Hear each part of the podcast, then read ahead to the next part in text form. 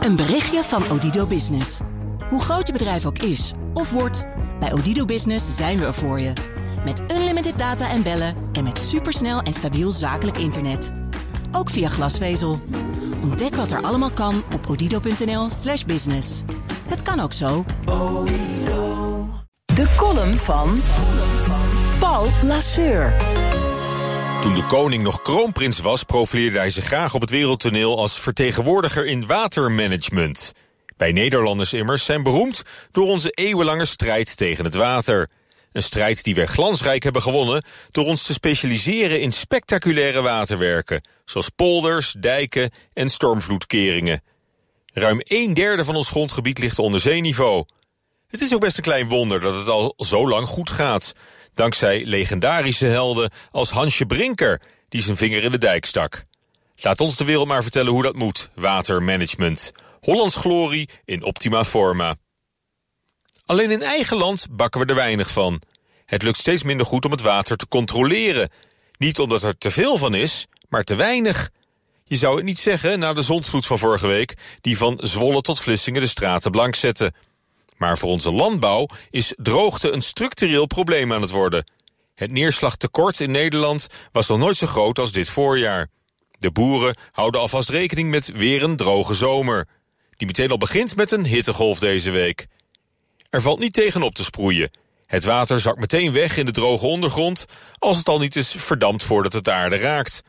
Niet alleen de landbouw heeft veel last van het lage waterpeil... ook de binnenvaart ligt regelmatig een paar weken stil met een vracht.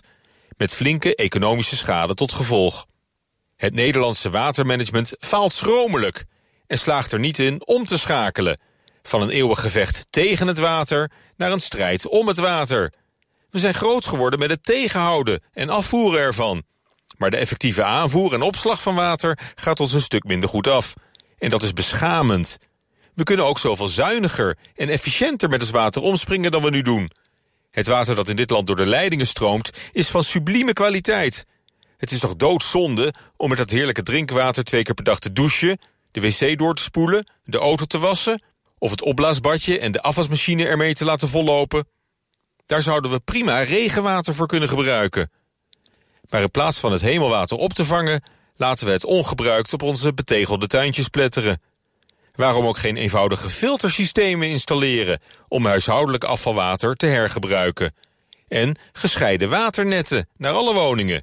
Eén voor het hoogwaardige drinkwater en één voor alle andere zaken.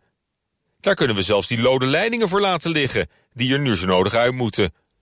Als Nederland zijn bijzondere positie in watermanagement serieus neemt en wil behouden... zal het ook met waterschaarste moeten leren omgaan. Prettige maandag. Columnist Paul Lasseur.